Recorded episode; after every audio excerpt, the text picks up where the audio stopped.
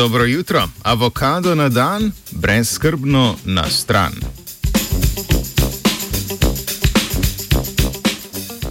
Nova raziskava Univerze v Illinoisu, objavljena v zborniku Journal of Nutrition, kaže, da vsakodnevno uživanje avokada lahko pripomore k boljšemu zdravju črevesja.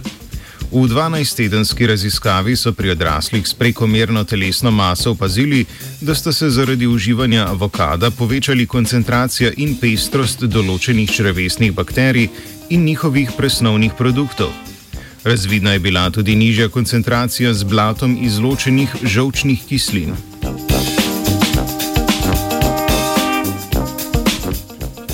Avokado je sedež z visoko vsebnostjo prehranskih vlaknin in enkrat nenasičenih maščobnih kislin.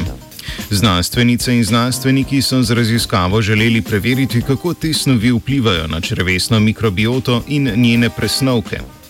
Raziskava je vključevala 163 zdravih odraslih posameznic in posameznikov s prekomerno telesno maso, starih med 25 in 45 let. Razdeljeni so bili v dve enako veliki skupini.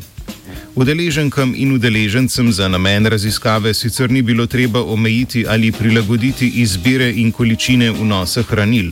Izjema je bil en predpisan dnevni obrok, ki so ga za namen raziskave pripravili preiskovalci in preiskovalke. Skupini sta dobili obrok z enako količino kalorij, vendar s to razliko, da je bil v obrok prve skupine vselej vključen avokado, v obrok druge pa ne. V času raziskave so vsem preiskovankam in preiskovancem redno jemali vzorce krvi, urina in blata ter spremljali njihove prehranske dnevnike, kamor so beležili slehrni zaužit prigrizek.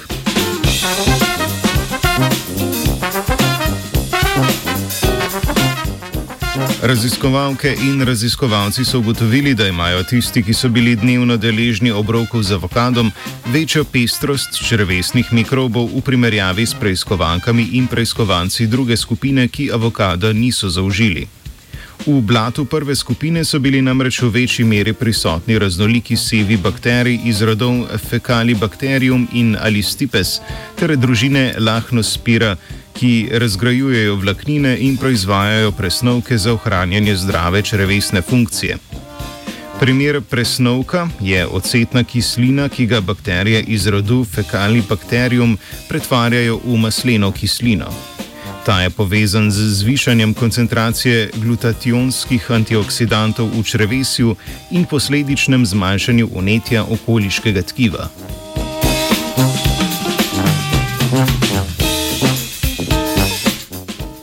Pri uživalkah in uživalcih avokado so izmerili nižjo koncentracijo žolčnih kislin in povečano koncentracijo z blatom izločenih kratkoverižnih maščobnih kislin.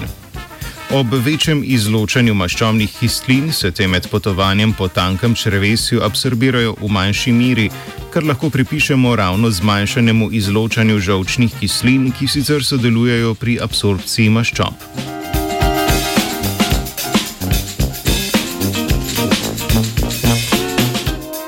Zaključimo lahko, da enkrat nenasičene maščobne kisline prisotne v avokadu ugodno vplivajo na povečanje raznolikosti mikrobiote v črvesju.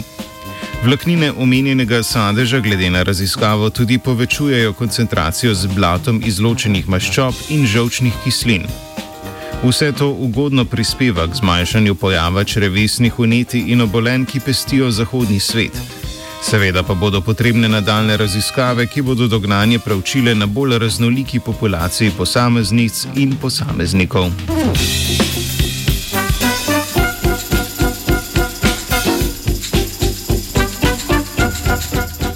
Da bo 2021 prekipivalo od zdravih kakcev, vam gvakamole za današnje večerno druženje pripravlja vajenka Patricija.